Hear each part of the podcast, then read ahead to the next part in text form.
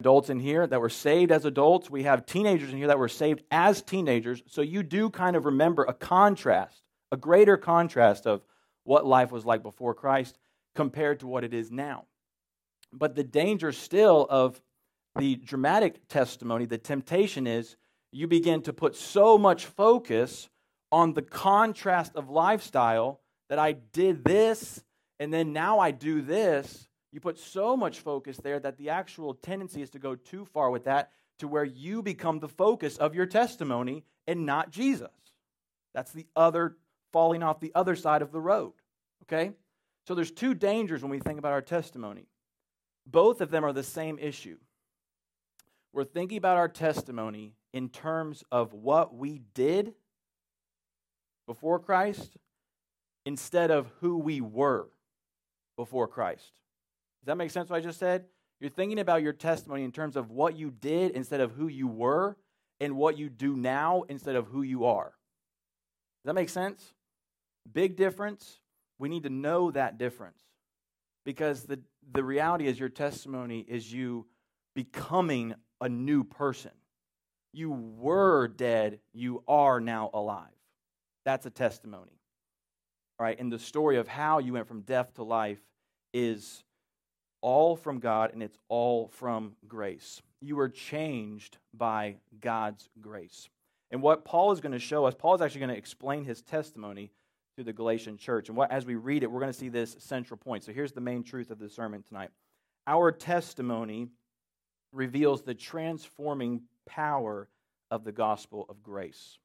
Okay? The gospel of grace. You see that word grace there? I made it caps on purpose. I want you to circle it or highlight it anytime you write it or see it. Okay? The gospel of grace. Our testimony reveals the transforming power of the gospel of grace. So as Paul shares his testimony with the Galatian church, he's going to show the, the gospel of grace, the power of God's grace in his life to change him. Because if you were not here last week, there was a, a, false teaching going on in these churches in Galatia. These guys called Judaizers. They were people who were Jewish, but then they com- kind of combined it and mixed it and created a formula with Christianity that said it was Jesus, yes, but then we also need to keep Jewish laws. They got into the church, they started messing the church up, causing a lot of confusion, and the Galatians are dropping like flies and buying this lie. And Paul came in and he's upset about this and the reason he's upset is because these Judaizers basically told this church that said, hey, when Paul came to you, he gave you a gospel, but he didn't give you the whole story. See, he left out some pieces. He told you about Jesus and he told you about faith, but he left out this part about keeping Jewish laws and Jewish rules. Okay, and so Paul is trying to show them now, encouraging Christians with his testimony, encouraging Christians that no, the gospel is genuine and real because we see the reality of the gospel through its transforming power of grace. Okay? Grace is what shows that the gospel is transformative and genuine and real. Okay? And it's true for all of us. So I want us to see this. We're going to kind of follow what a real testimony looks like for you and for me through these elements of Paul's testimony. So I want us to focus on how it shows us the grace of the gospel. So let's read, uh, we're going to read verses 10 to 24. Okay? Are you ready? If you are there, say amen.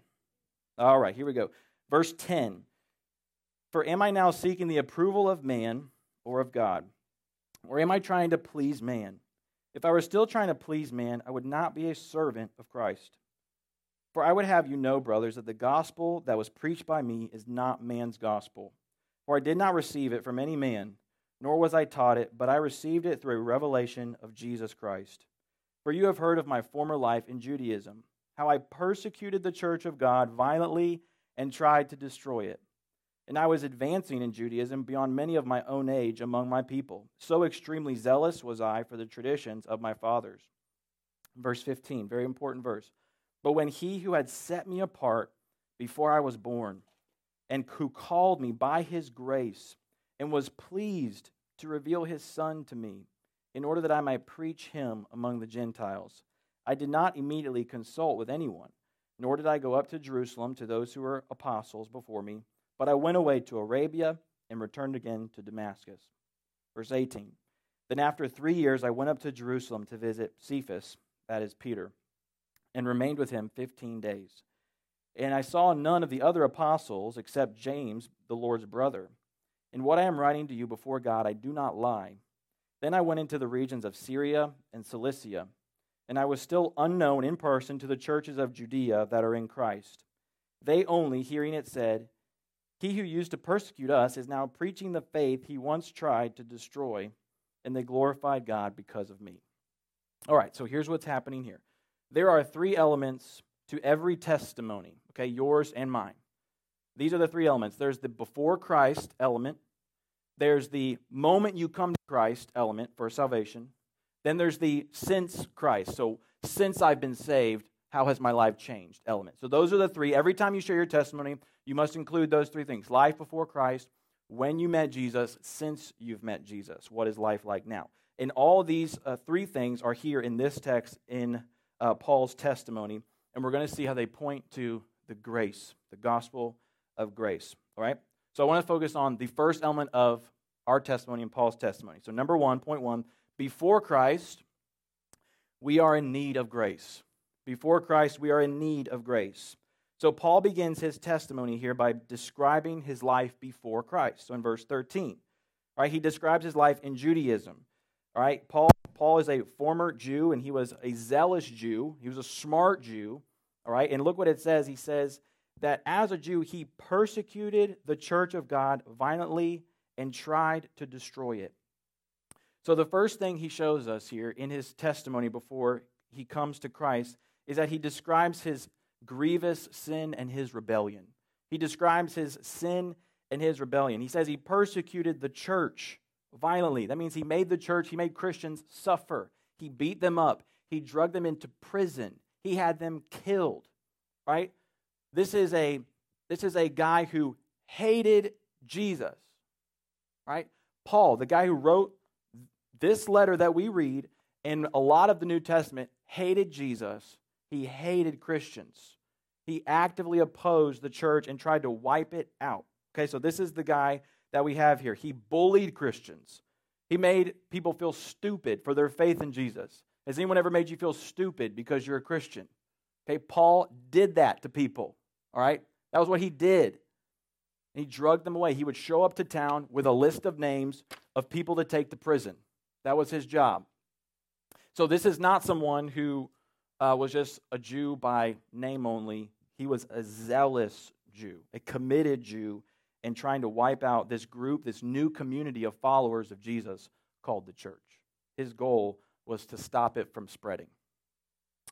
So, what does this teach us here about Paul showing us his sin and his rebellion in his testimony before Christ? What it shows us here is that no one is too sinful to receive grace. Okay? No one is too sinful to receive grace. You are not too far from the grace of Jesus. Wherever you are in your life, in your journey with Christ right now, or maybe you do not know Christ right now, you are not too far gone for Jesus.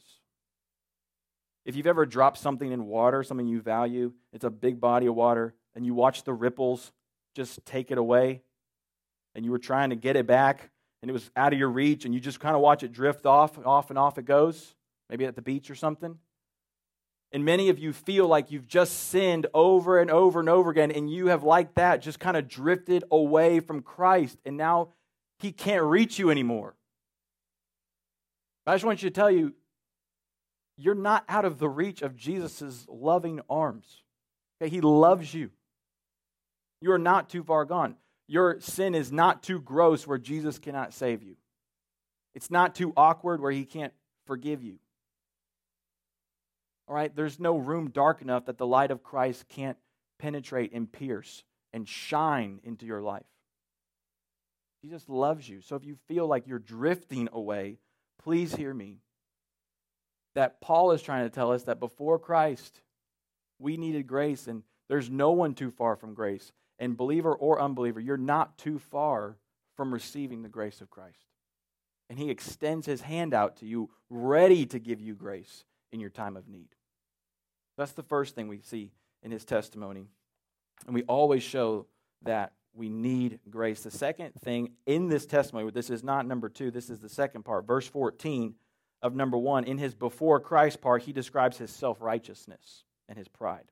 So in verse 14, he says, I was advancing in Judaism beyond many of my own age among my people, and I was extremely zealous for the traditions of my fathers. So Paul is like the Jew of all Jews. He's the valedictorian of his Jewish class, okay? Advancing beyond his own age. So he's the one that other Jews would have looked up to.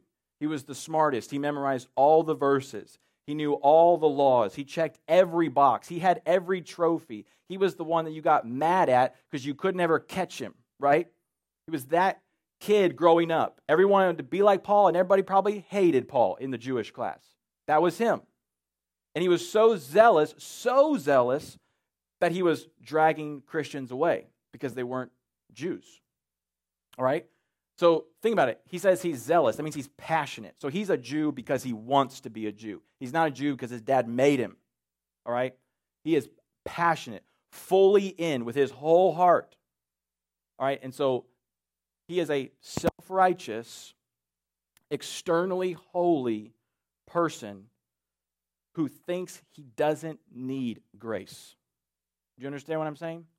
So, the second thing he shows us in this before Christ part is not that not only are, is no one too far from grace, but there's no one too holy that doesn't need grace. Okay, does that make sense what I just said? There is no one that is so holy, so good that you don't need grace. Because it's really easy as Christians in the church to get so focused on our own accomplishments, checking boxes, church attendance, going to the events, coming to Connect Group in a row, you know, going to sitting through multiple sermons in a row without falling asleep. You feel like you're crushing it. And you you you feel like you're advancing in your Christian faith and it's easy to beh- hide behind your Christian trophies and your stack of theology books, and you forget that you need grace. We need grace because we forget what we were before Christ. And we forget what we would be right now without Christ. If you did not have grace right now, Christian, you would be lost. The only reason you're following Jesus right now is because of grace. God's grace, not your strength, not your ability, God's grace on your life. That's why he gets all the glory for your salvation and for your obedience. And we pursue him because he's given us grace. So no one is too far gone for grace, and no one is too holy to not need grace. And this is what we see in the before Christ section. So when you share your testimony, wrapping up the first point, when you share your testimony, it needs to have a before Christ section in it. And you need to describe what you were. You need to describe that you were a dead, lost sinner. I don't care if you're a five year old dead, lost sinner. That's what you describe. And you describe, if you've grown up in church, you have self righteousness and pride that cannot save you. If that's, that describes you, because it described Paul. You describe what you were before Christ and how we all desperately needed grace, how you needed grace. Okay? We all need grace every single day. Second point. This is the coming to Christ part. Okay, so this is before Christ. We need grace. Now, number two, coming to Christ, we are changed by grace. Coming to Christ, we are changed by grace. So look at verse 15 with me. Verse 15 says, has three really important little clauses here. But when he who had set me apart before I was born, that's clause number one, and he who called me by his grace, clause number two, and was pleased to reveal his son to me, clause number three. Those are all very, very important, and they are jam packed with very important theology that you need to know about how Christ has saved you. So, this would be the moment coming to Christ in Paul's life that we would describe as accepting Christ, surrendering to Christ. Maybe you say prayed to receive Christ. Whatever you describe the Christian lingo you use, that really doesn't matter. What is happening in the moment of salvation when you respond to the gospel? Okay, when you respond, something is happening in God that is causing you to respond and save you. Does that make sense? There's a God acting behind your acting, and here's what he's doing. So we see the transforming grace in these three clauses. They show us three things about what happens um, when we come to Christ. They show us the grace of Jesus. The first thing that it shows us is that God chose you for salvation. Okay? God chose you for salvation. We see this in the little clause, the first one. He set me apart before I was born. So, God in advance chose you to be saved. All right? That is a mind boggling thought. I'm just going to say it one more time. God in advance chose you to be saved, to be a Christian. He had his heart set on you. Ephesians 1 says that in love, he chose you before the foundation of the world, that he actually adopted you. When you adopt somebody, you set your heart on a child and you go and get them. That's what God has done for you as your father. He has adopted you, He chose you before the foundation of the world. All right, there's a theology word in the Bible. We use the word election. It means God chose you. And He chose you before you were born, set you apart before you were born. He didn't save you because of some sort of saving qualities about you that He really liked. Okay?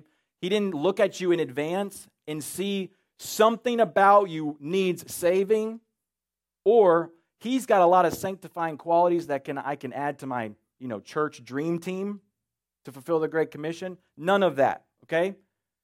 He saved you and chose you because of nothing in you. All right?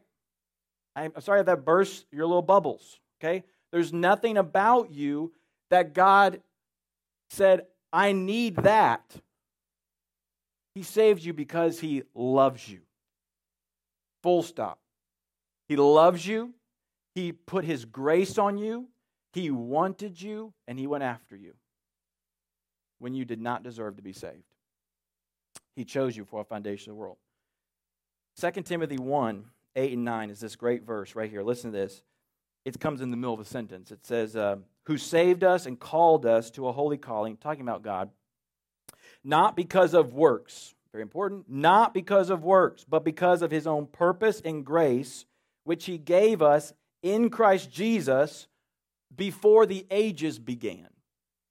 You see that? Follow the sentence. He chose you not because of works, but because of his own purpose and grace, which he then gave you in Christ. When did he give it to you? Before the ages began. That means before time, he gave you grace. What? Think about that. God thinking about you before the ages began to give you grace in Christ Jesus. That's a mind boggling thought. Second thing, God called you to himself. So in this uh, second phrase, we see God called you to himself when it says that he who called me by his grace. It is the moment that we, dis- this is the moment right here. When we're called by grace, is the, the exact moment that we respond to the gospel, okay, and put our faith in Jesus. It's this moment that God calls you by his grace. And in the moment of salvation, uh, the Bible talks about God calling you. Now, this is not like God were to call your, you know, iPhone and he's waiting for you to pick up. Okay, this is not, don't think about that kind of call all right, because you guys never answer your phone. It's not that kind of call. The call of God in salvation is a different kind of call. It's a kind of call that creates response. All right? When God calls something, he does what he calls them to do. All right? So when God looks at, when Jesus looks at Lazarus in the tomb and he calls him, he says, Lazarus, come out and Lazarus was dead. And what happens when he says it? He's not giving a request to Lazarus, to Lazarus' dead body to decide what to do. Is he? He is telling Lazarus to get out of the grave. And Lazarus gets out of the grave. That's what happens at your salvation. So when God calls you to faith in Jesus, you get faith in Jesus. Do you understand what I'm saying? Ephesians 2 8 and 9 says, It is by grace you are saved through faith. This is not your own doing, it is a gift of God. That means the grace and the faith is not your own doing. The faith is a gift. God calls you and you respond. God wakes you up. You were dead and now you're alive. That's, an, that's a miracle, guys. That's not a boring. I don't care if you're five when that happens to you. That is not boring, right? God wakes you up, you go from death to life. Okay, so we think about salvation often like a life preserve raft being tossed to us. Okay? Salvation is the offer. Whoop, toss it out. All right? Now we're sinking, and it's up to us to get a hold of that thing, and then it gets drug in. All right? The Bible describes salvation less like that and more like your body is dead at the bottom of the ocean. Jesus swims down, grabs your body, brings you to the surface, throws you on the beach, and breathes life into you. That's salvation. There's a big difference. One puts an emphasis on what we can do. We're kind of the ultimate final determiner of our salvation by grabbing the life raft. One puts all the glory on God, who does all the work for us start to finish. That's God calling you by his grace. And it's not because you deserve it, not because you deserve it. It's because he is good. And you are running, by the way, you're not just sitting still when God calls you, you are in an all out sprint the other direction, like you're trying to get away from God, right? Whether you realize that or not. The Bible describes us, all of us, as enemies of God. Okay? We're not, we're not chilling on the couch and God gives us something we don't deserve. We're running away from God, rebels. And God calls us to salvation and changes us. This is a big difference, right? When my son is sitting on the couch doing nothing, and I surprise him with an Oreo, which should make Ezra very happy, okay? He didn't really do anything to deserve it, right? It was just a nice gift. It was a, it was a gift of grace. He didn't deserve it, right? But he also didn't, he wasn't doing anything that deserved punishment when I gave him the Oreo, was he? That would also be grace. If he was doing something that deserved punishment when I gave him the Oreo, that would be a closer picture to God's grace. Because we are earning something before we're saved, and it's not salvation, it's wrath, it's hell. We're running away. We deserve punishment, not life, and Christ calls us to salvation. God is so gracious to you, students. I hope that you see this. So gracious to you. The, now, the third clause in this little section right here, it says, He was pleased to reveal His Son to us, to me. Jesus saved you because God delighted to save you. Simple as that. You could say oh, like this God saved you because He wanted to. He didn't save you because He had to. He didn't have to. He doesn't have to save anybody. If you are a Christian right now, God saved you because he wanted to save you. We do a lot of things, teenagers, that we don't want to do, but we have to do, right? You got chores at home, you got dishes, you got to take out trash, you got homework, you got papers, you got a test tomorrow, whatever. Sorry to fill you with bad thoughts, okay? You got you got stuff you got to do, you have to do, but you don't want to do. Salvation is not like that. God saved you because he delighted to save you. He wanted to save you. He it pleased him to reveal Jesus to you. Which means that right now students, God is not merely tolerating you. Okay? This is really important. You guys are struggling with all kinds of stuff. I know. We're sinners. We struggle. But you don't have to take notes right now at this point. You can look at me. We struggle with sin. God is not watching you trip and fall every day, going, you gotta be kidding me. There he goes again. Give him grace. This is what he does again, every day. No. If God was pleased to give you his son when you were an enemy of God, how much more is he pleased and delighted to give you grace as his child. You understand? God is not tolerating you. God doesn't regret saving you. God loves you. God loves you at every moment right now. And you can hold your head up and run to Jesus and be comforted by no matter how you have fallen this week. Jesus stands there ready to receive you because he loves you and he's given you grace. So run to Christ and rest in his grace in your struggle. Okay, last part of our testimony here. This is point three. Since Christ, that's our third section of our testimony. Since Christ, we share the gospel of grace. So every testimony includes this third piece and describes how our lives have been different since coming to Jesus. All right? And, and Paul gives us the same thing. Paul is going to describe himself here um, that he has been transformed by grace to become a servant of Christ and to share Christ. So if you look in uh, verse 10, uh, we see that the gospel changes who we live for. Okay, the gospel changes who we live for. In verse 10, Paul calls himself a servant of Christ. He says, I'm not seeking the approval of man. Am I seeking the approval of man or of God? Am I trying to please man? If I were trying to please man, I would not be a servant of Christ. So grace changed Paul to go from completely living as a persecutor of Christians to now completely living to share the gospel and bring more Christians into the world. He's going from persecuting the church to planting churches. The same gospel, the exact same gospel that he once tried to put out, is the same gospel he's now preaching.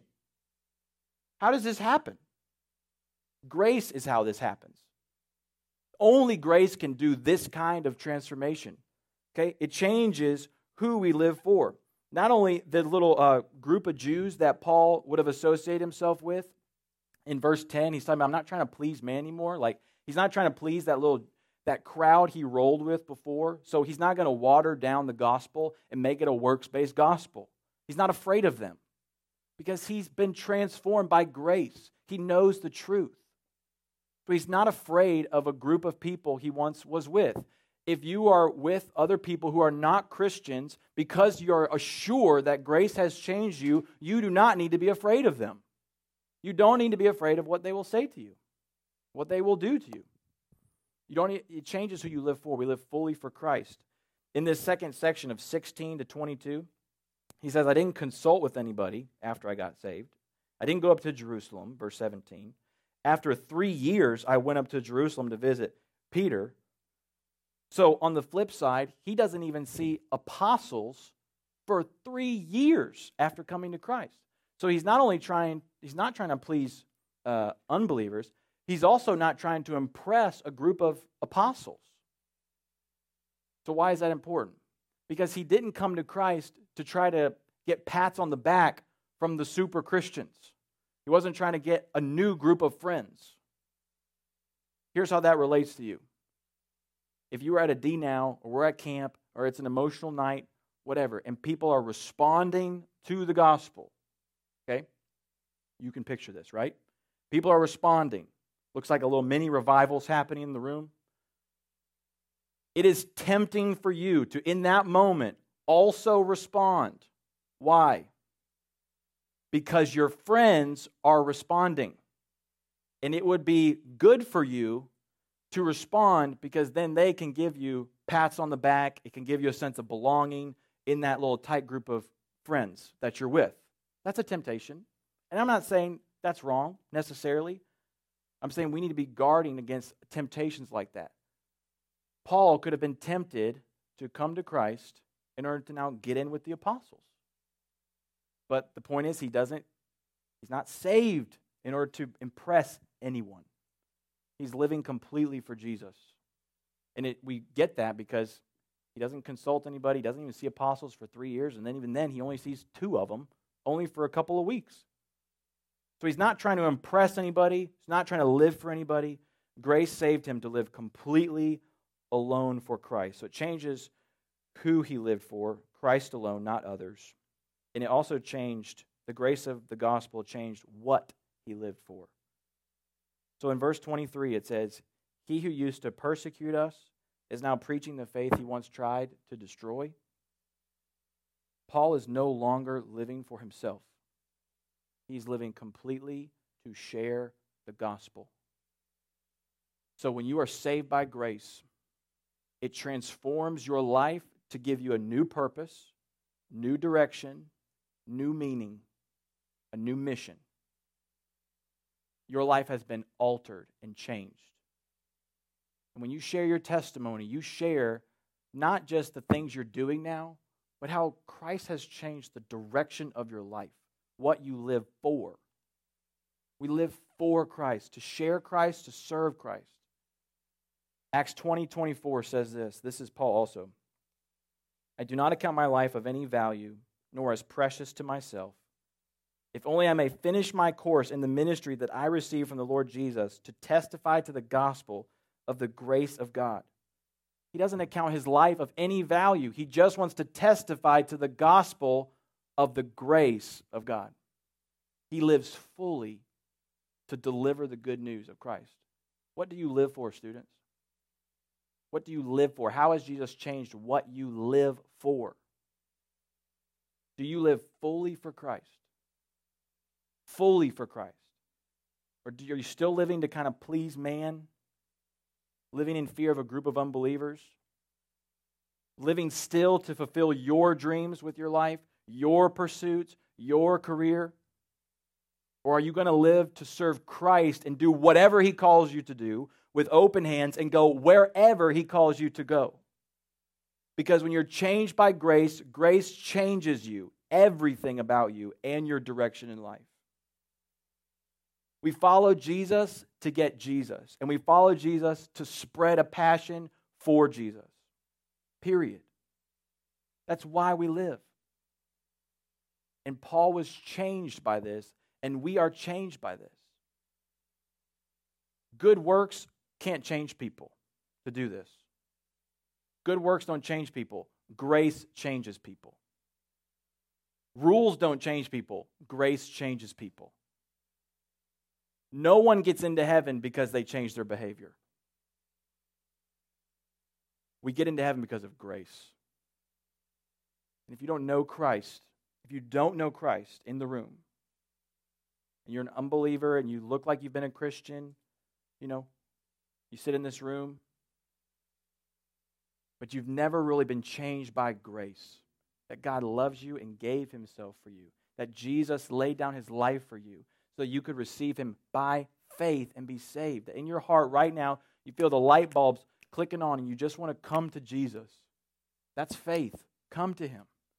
Be saved. Be changed by grace. Live your life fully for Christ.